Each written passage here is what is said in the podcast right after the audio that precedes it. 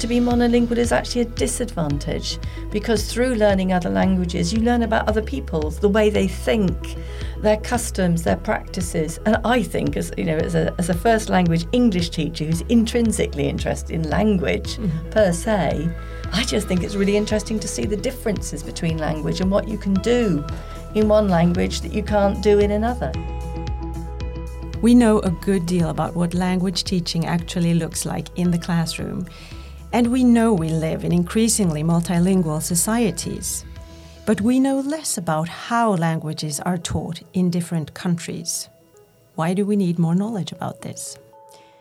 Professor Deborah Myhill, thank you so much for welcoming us here at the University of Exeter. What would be your short answer to that question?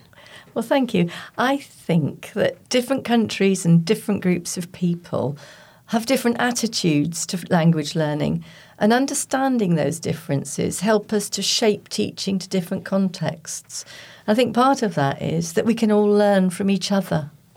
And for listeners who might be new to first language pedagogy, I want to add that the reason the podcast visits Deborah Myhill is her strong position in English or first language teaching in Northern Europe. In fact, most of the students in teacher education in Norway have come across your work, Deborah. One of our other guests, Professor Lisbeth Brevik from the University of Oslo, also researches English teaching, although as second language, a distinction we'll comment more on later. But first, Lisbeth, why do you hold that we need more knowledge about language teaching, cutting across both countries and languages? Well, um, we know that um, Norwegians are often seen as very proficient in English um, compared to students, especially in other countries or European countries but we know very little about why or what happens in school. So, how come they are good?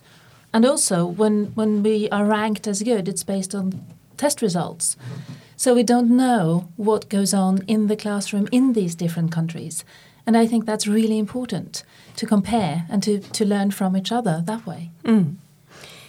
Our third guest today, Professor uh, Eva Thue also from the University of Oslo. She's a French or foreign language researcher.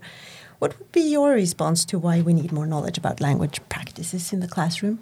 Yeah, I think we need more uh, research on language teaching practices across contexts and across languages because the field is and has been for a very long time dominated by research on English as a second language. Mm -hmm. And the findings are often taken to be valid for other contexts as well. And so I believe that research that includes the teaching of English and the teaching of other languages will help us to see where the differences are and uh, will help us to see that we cannot assume that what the field knows based on uh, research on English teaching is valid in other contexts. We need to take into account the different traditions and the different cultures of teaching uh, that are valid in the particular context that we are interested in. Because these traditions and these cultures they do have an influence on how people react to different teaching methods and different approaches. Mm. Uh, so what works in, in one context does not necessarily work in another exactly so, if I understand you all correctly, today we know quite little about how French, for example, or German or Spanish for that matter, is taught as a foreign language in Norway as compared to in England or other countries. But why haven't countries worked together in sharing language teaching experience as they have when it comes to science or math teaching, for example? Deborah? Yeah, I'm not sure, but perhaps it's because maths and science for a long time have been seen as subjects that all countries are teaching, so they cross national boundaries.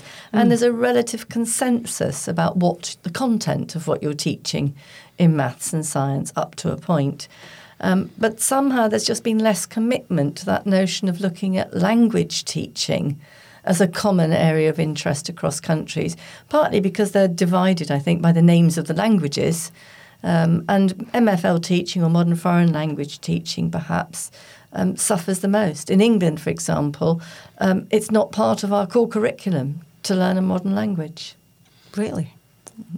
Yeah, that's interesting because in Norway, English mm. is part of the core curriculum, mm. um, whereas foreign languages are not. Um, but still, we seldom look to other countries to learn more about how to teach English or other languages. And also, um, the teaching of second and foreign languages is often considered very different from the teaching of a first language, um, which might explain why, for example, English teachers in Norway um, do not look to, uh, to England to learn more ways of teaching English. Hmm. Is English a language subject, Deborah? In England, I don't think it would be counted as a language subject. Curiously, right. the language subjects would be other languages, uh-huh. and English um, in primary school it's sometimes called literacy, um, or sometimes called English. In secondary, it's called English. It's heavily literature based in secondary, although obviously you are studying language when you're studying literature, and there is a, a language component in English. But I don't know that English teachers would actually think of themselves as language teachers. Huh, that's interesting. Okay, but surely, as you have already demonstrated, we do know something after decades of language teaching research. What do we know today about language learning that we can bring with us? Who wants to start? Deborah? What do we know about language learning? Well, I think as we know a lot about the way in which culture and context affects how people learn languages. Things like motivation, attitudes to language, um, even which languages are prestigious to learn and which languages are not desirable to learn. So, certainly from an English perspective, um, securing motivation to learn languages hmm. is often really, really difficult. Um, and even when people have community languages that they're speaking, how do we value those languages and do we draw on them as resources for language learning? Hmm. Lisbeth, do you have anything to add? Well, um, I think it's interesting about the attitudes because um, we know that students or young people in general um, they have attitudes when it comes to to languages. Mm-hmm. Some identify with languages in different ways than we might assume. And in uh, which ways? Do you have any examples? Well, for example, um, we know that students who, are in their spare time, spend a lot of time gaming online. Mm-hmm. They meet other people online, uh, and they need to know languages that are common. So, um, a Norwegian might use English a lot in their spare time. So it means that they use English. They might even identify just as much with English as with Norwegian. And then when they come to the classroom, that part of their knowledge of languages is very seldom used.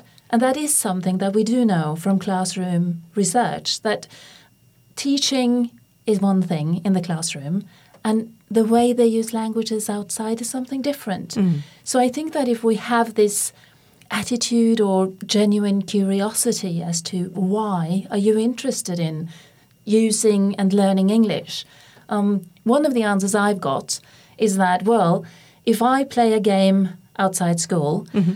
and I don't know English um, good enough to respond quickly, I will die in the game, which means that they're motivated.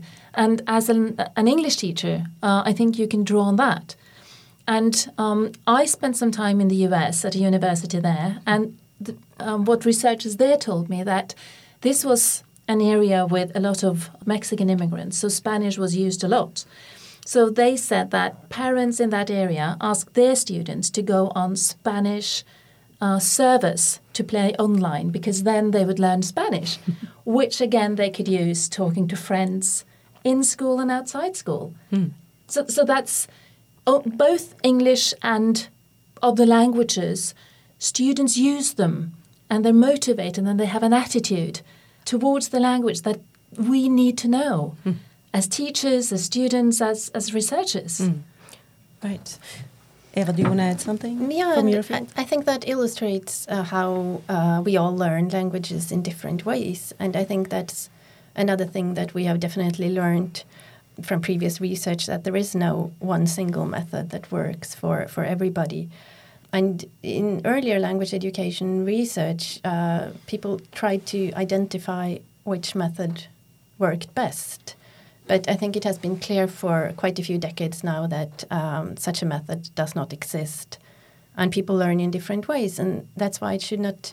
There should not be any activities or task types uh, that are advised against in the classroom because if a learner learns from the activity, then it's a useful one and they should continue doing it. So, of course, that means that we need to create classrooms in which language learning can take place in many different ways. So, a very important question is how do we do that? How um, how do you include everyone? And yeah, with our research, I think we, we hope to um, to provide some answers to, to those questions. Mm. How easy it would be to have a silver bullet, huh? okay, but but and, and as you say, you you have just started a new project now. The three of you uh, are about to find to, to fill this gap, this knowledge gap that we're talking about. Last year, uh, you received funding from the Research Council of Norway for a project called Languages, comparing language use and teaching across contexts. Led by you, Lisbeth, and the University of Oslo, uh, a collaboration between Norwegian, French, and English researchers. What is the overall aim of this project, Lisbeth? Well, it's curiosity, I think, because when we talk uh, about language teaching, whether no, um, English or French or um, we don't know a lot, as we talked about now, about what does this look like in other countries. So in the languages project, we will compare uh, across languages, English teaching, French teaching, and we will look at it in England and in France and in Norway. And English and French have very different statuses in these countries. And I have been curious for a long time when it comes to this how good are Norwegians really when it comes to English? How does that Aren't look? we quite good? Well, that's what we learn, isn't it? Right. It's, we're being told that we are quite good. Statistics tell that compared to other countries. But also, researchers say that we are not as good as we think. So I, I am really interested, and languages will do this. Um, we will see how good are we in English compared to native speakers in England, and also compared to speakers uh, of French or, or French students in France. How well do they speak and use English in their classrooms? Mm. And not just how well, we also really want to know what does the teaching look like? How can we learn? How can we get inspired by practices in these three countries? Mm. Languages will, will look at that. Deborah. I'm picking up on that already from the project where we've been getting together across countries just to work out methods and questionnaires and things. One of the most fascinating things we had already is the constant questions we're having to ask each other as language researchers from different countries. Well, what are you Right. doing? And we've learned such a lot about different systems, different curricula, different ways of working, and that's before we've collected any data. So Mm. What was more? Yeah, what has been most surprising so far? Well, I think, oh yes, that's an interesting question. I think what's most surprising is the differences in the curriculum mm-hmm. and how difficult it is. And that might be just because that's what we've been looking at in order to try and talk about samples and participants. But the, when children move on from different year groups, the, the ages that schooling starts, when they start learning the, the relevant modern foreign language, how often they have it per week. There's been almost nothing, I think, across the three countries where we've been able to say, oh, that's exactly the same for us. Hmm, and those are very practical things, but they're all hmm. part of that understanding how we all value, I suppose, languages differently. Definitely, it's surprising that this hasn't been studied before. Where did you hmm. get the idea, Lisbeth? Well, I think it started out with, um, for example, when Eva and I talked about uh, the teaching of English and the teaching of French. And we realized that there are several similarities and several differences, and we didn't know enough, even in Norway, about this. And then trying to think where is the, both the curiosity, but also what do we need to know. So, sitting in Norway, teaching these two languages, I wanted to especially compare with England as the native speakers of English, but also um, since Eva studies French, this became a question of how does it compare France teaching teaching France in Norway and teaching France in, in, in French in France. Sorry, and and so that's why these three countries came mm. about, mm. and I think that is a new perspective. Yes, mm. definitely. So we can compare the teaching of English in Norway as a second language with the teaching of English in England as a native um, language and the teaching of English in France as a foreign language. And similarly, with, with French, I experienced sort of a common curiosity, Eva, between us. Yes, absolutely, and I think um, I think this is a very valuable contribution to the field because earlier there there has not been much collaboration across different languages, and I think that's uh, because of this old view. Previously, this view of this compartmentalized view of languages Mm. dominated. So that means that uh, there was this view that um, languages occupy different spaces in the brain or different compartments in the brain, and they should not be mixed because that could lead to confusion. And this this view is um, well, today we see a person's language resources as a, as a unified whole, as, a, as an entity. So it, this is an old-fashioned view, but it still is kind of with us in some ways, uh, and might explain why uh, the teaching of different languages are so different, even within the same educational system. So, to sum up what you said, Lisbeth, together the three of you represent first language, second language, and foreign language teaching expertise. Now, why is that an important distinction, really? As a, how would we teach English or French differently as second or foreign language compared to as first language? Well, I think one of the things that's really interesting is the fact that in both France and England, we're including the, the teaching of the first language as well as the teaching of second or foreign languages. From the second or foreign language point of view, I think a lot of it is to do with the amount of exposure that Right. the students have to that um, second language. So, uh, a student in England learning French will get almost no exposure to French if they're not from a French family, which of course they could be. Mm-hmm. But in their normal everyday encounters in England, they won't encounter French at all. They certainly wouldn't encounter it while gaming, for example. Mm. They may encounter it while on holiday. Mm. Um, but they won't get that exposure to it. Whereas a student in France learning English, I would anticipate, will have much more exposure to English, incidentally, than to French. But I don't know. That's what we're going to find out. Right. and how are you going to find that out, Lisbeth?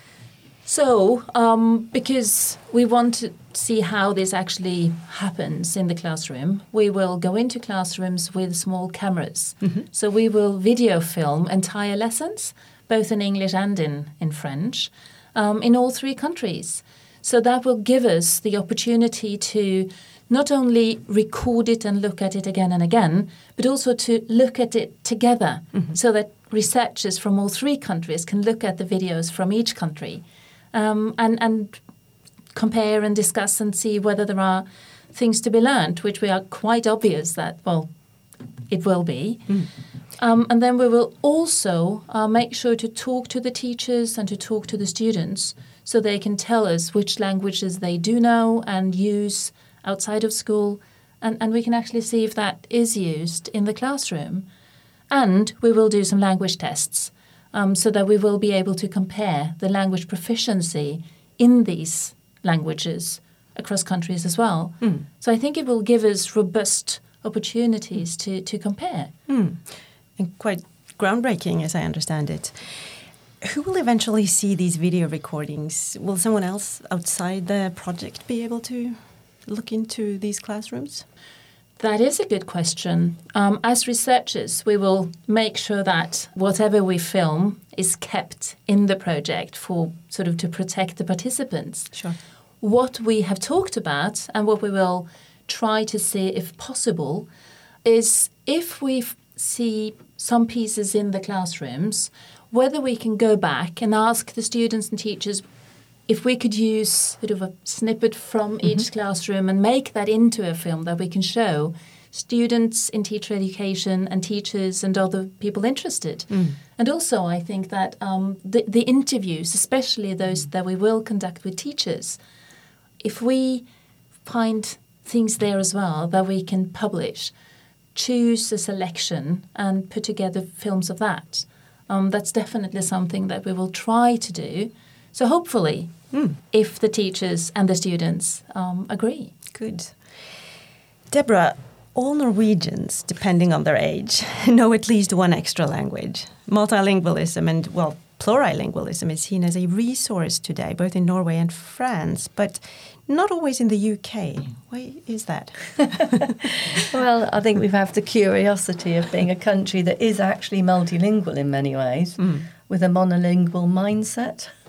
Um, right. That um, culturally, and I think it's, if I'm honest, probably a form of laziness almost, that um, you don't need to learn another language to go anywhere in the world because mm. almost anywhere people will speak some form of English. Mm. So that takes away one pragmatic imperative for learning a language, sure. which I think is a real pity, but I think that is the way people think. I mean, I remember when I was teaching English in a um, in Exeter in a school with a lot of students of very high social disadvantage.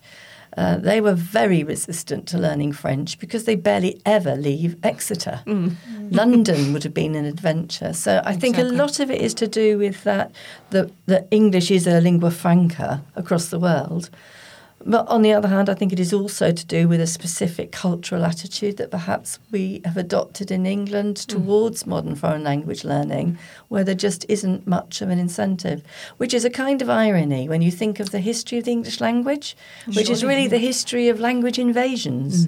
Mm. exactly. So, so laziness more than arrogance. How could one work with attitude? Well, I, I, mean, in some ways, my own experience is much more as the first language teacher, and it's probably the second language, the modern foreign language teachers who can tell you that more. Mm-hmm. But I think a lot of it is about how can we generate an intrinsic interest in language rather than regarding it as what use it's going to be to you pragmatically when you're on holiday or whatever. You know, in some ways, I think what we don't realise in England is the fact that being monolingual is now a minority position. Mm. That all over the world, most people, well, not most people, the majority of speakers are now multilingual, speak more than one language. And that to be monolingual is actually a disadvantage because through learning other languages, you learn about other peoples, the way they think, um, their customs, their practices. And I think, as you know, as a, as a first language English teacher who's intrinsically interested in language mm-hmm. per se, I just think it's really interesting to see the differences between language and what you can do in one language that you can't do in another. You know, mm. the fact that France has two words for stranger, one. Mm. Uh, one word for stranger, but we have two words, foreigner and stranger. Mm. And it says something about English attitudes. Interesting, so I yeah, yes. So I think, but I think it's a hard challenge. So what I wouldn't want to say is that it would be very easy for all modern foreign language teachers in England to suddenly transform the attitudes of the nation towards learning second languages, sure. foreign languages. Eva, what what kind of status does multilingualism have in France? Well, I they resist English, as I understand it. Is they, that a myth? And, well, it's it's obligatory to, to learn English in, in school, mm -hmm. so mm-hmm. they do learn English as a as a second language. But um, I think that one difference from Norway is that uh, in Norway English uh, has a very high status as a school subject, and whereas uh, other foreign languages uh, do not. Uh, in France, I think it's more. Um, well, I'm, I'm, guessing a bit here, but I think it's more equal between English and other language subjects. So they are perhaps um, better in, for example, German or Italian or Spanish than we are here. But uh, when it comes to English skills, uh, Norwegians tend to do better on international statistics and so mm-hmm. on than, than French. But so in return, uh, I think they are better in, in other foreign languages. Right. Uh, in, in Norway, the competence in other foreign languages than English is is not well. It, it's quite poor actually. So we start we start late with foreign languages in Norway. Uh, for example, our neighbors in Sweden and Denmark, they start uh, one and two years earlier than us, respectively. Uh, so Norwegians do well on international statistics when it comes to English skills, but it stops there. we are not good at other languages. Hmm. Um, so we're nearing the end here, but I have one more question for you all. The ability to communicate in more than one language is, as you've all mentioned key to intercultural understanding, but also democratic participation, right? If we think large, locally and globally. Um, research takes time, so while we wait for your results, or while the English teachers wait, or the language teachers wait, what would be your general advice right now to language teachers eager to better their practice this autumn? Anyone? Perhaps, and I must be speaking from an English perspective, I think. Of course. I think perhaps it does come back to this notion of what we think of as a language Mm. and the way, you know, even the way we're being kind of forced to talk in this podcast. We're naming languages, separating them.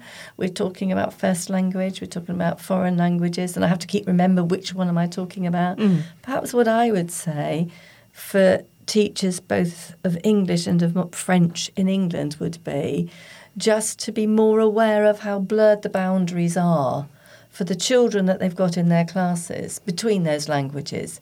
And that actually you know that you don't spend all your time constantly shifting from the silo of English to the silo of French to the silo of Norwegian. But actually many many children in our society are constantly shifting between the two eff- effortlessly often Right, merging. and that is a really great skill. Where do we recognise that in our teaching and in our interactions with students? Lisbeth? So I would urge teachers to be genuinely interested in um, the languages that students know. Um, to build on the same idea that Deborah said, don't necessarily separate the languages, but talk to them about which languages do you know, which languages do you speak, which languages are you actually interested in using, and why. Uh, and I think that if the students talk with the teachers, it all matters in the language classroom. I think that it's easier for the teachers to make um, the to make the language lessons more captivating and make it more interested or interesting um, for the students. And it might actually be easier to design language lessons that captivate students so that they will um, use the language more. Eva? Yeah, from my perspective, one of the biggest challenges for the teaching of foreign languages or other languages than English is the lack of exposure to um, these languages in the students' everyday lives. So, well, fortunately, now we, we have a there is a huge amount of resources available out there on the internet. So, my piece of advice would be to use these and uh, to Where dis- are these resources? Oh, for they example? are everywhere. I mean, of course, I know best my own subject, which is French. So then we have, for example, TV5 Monde, uh, where there is plenty of resources, and there are a number of other sites. So um, to use them and to discuss with colleagues if you feel uncertain whether a specific resource or site is suitable. There are language teacher groups in social media that uh, teachers can join because for, for many less widely taught languages, you are often, at least in Norway, you are often alone as a language teacher in that specific language in your school. And in such cases, I think it's important to join these online groups because we all need somebody to discuss our practices with. Thank you so much for talking with us today, Professor Deborah Myhill, and for hosting the podcast Læring here at the University of Exeter in England. Thank you also to you, traveling professors, Lisbeth Brevik and Eva Thue Vold from the University of Oslo. You have just listened to an episode of the podcast series Læring. Involved in researching and producing this episode was Lisbeth Brevik, John Primrose, Shane Colvin, and me, Monica Bjermeland. If you enjoyed this episode, do tell your friends that we exist, but mind you, all of the other episodes are in Norwegian. Till next time, vi høres.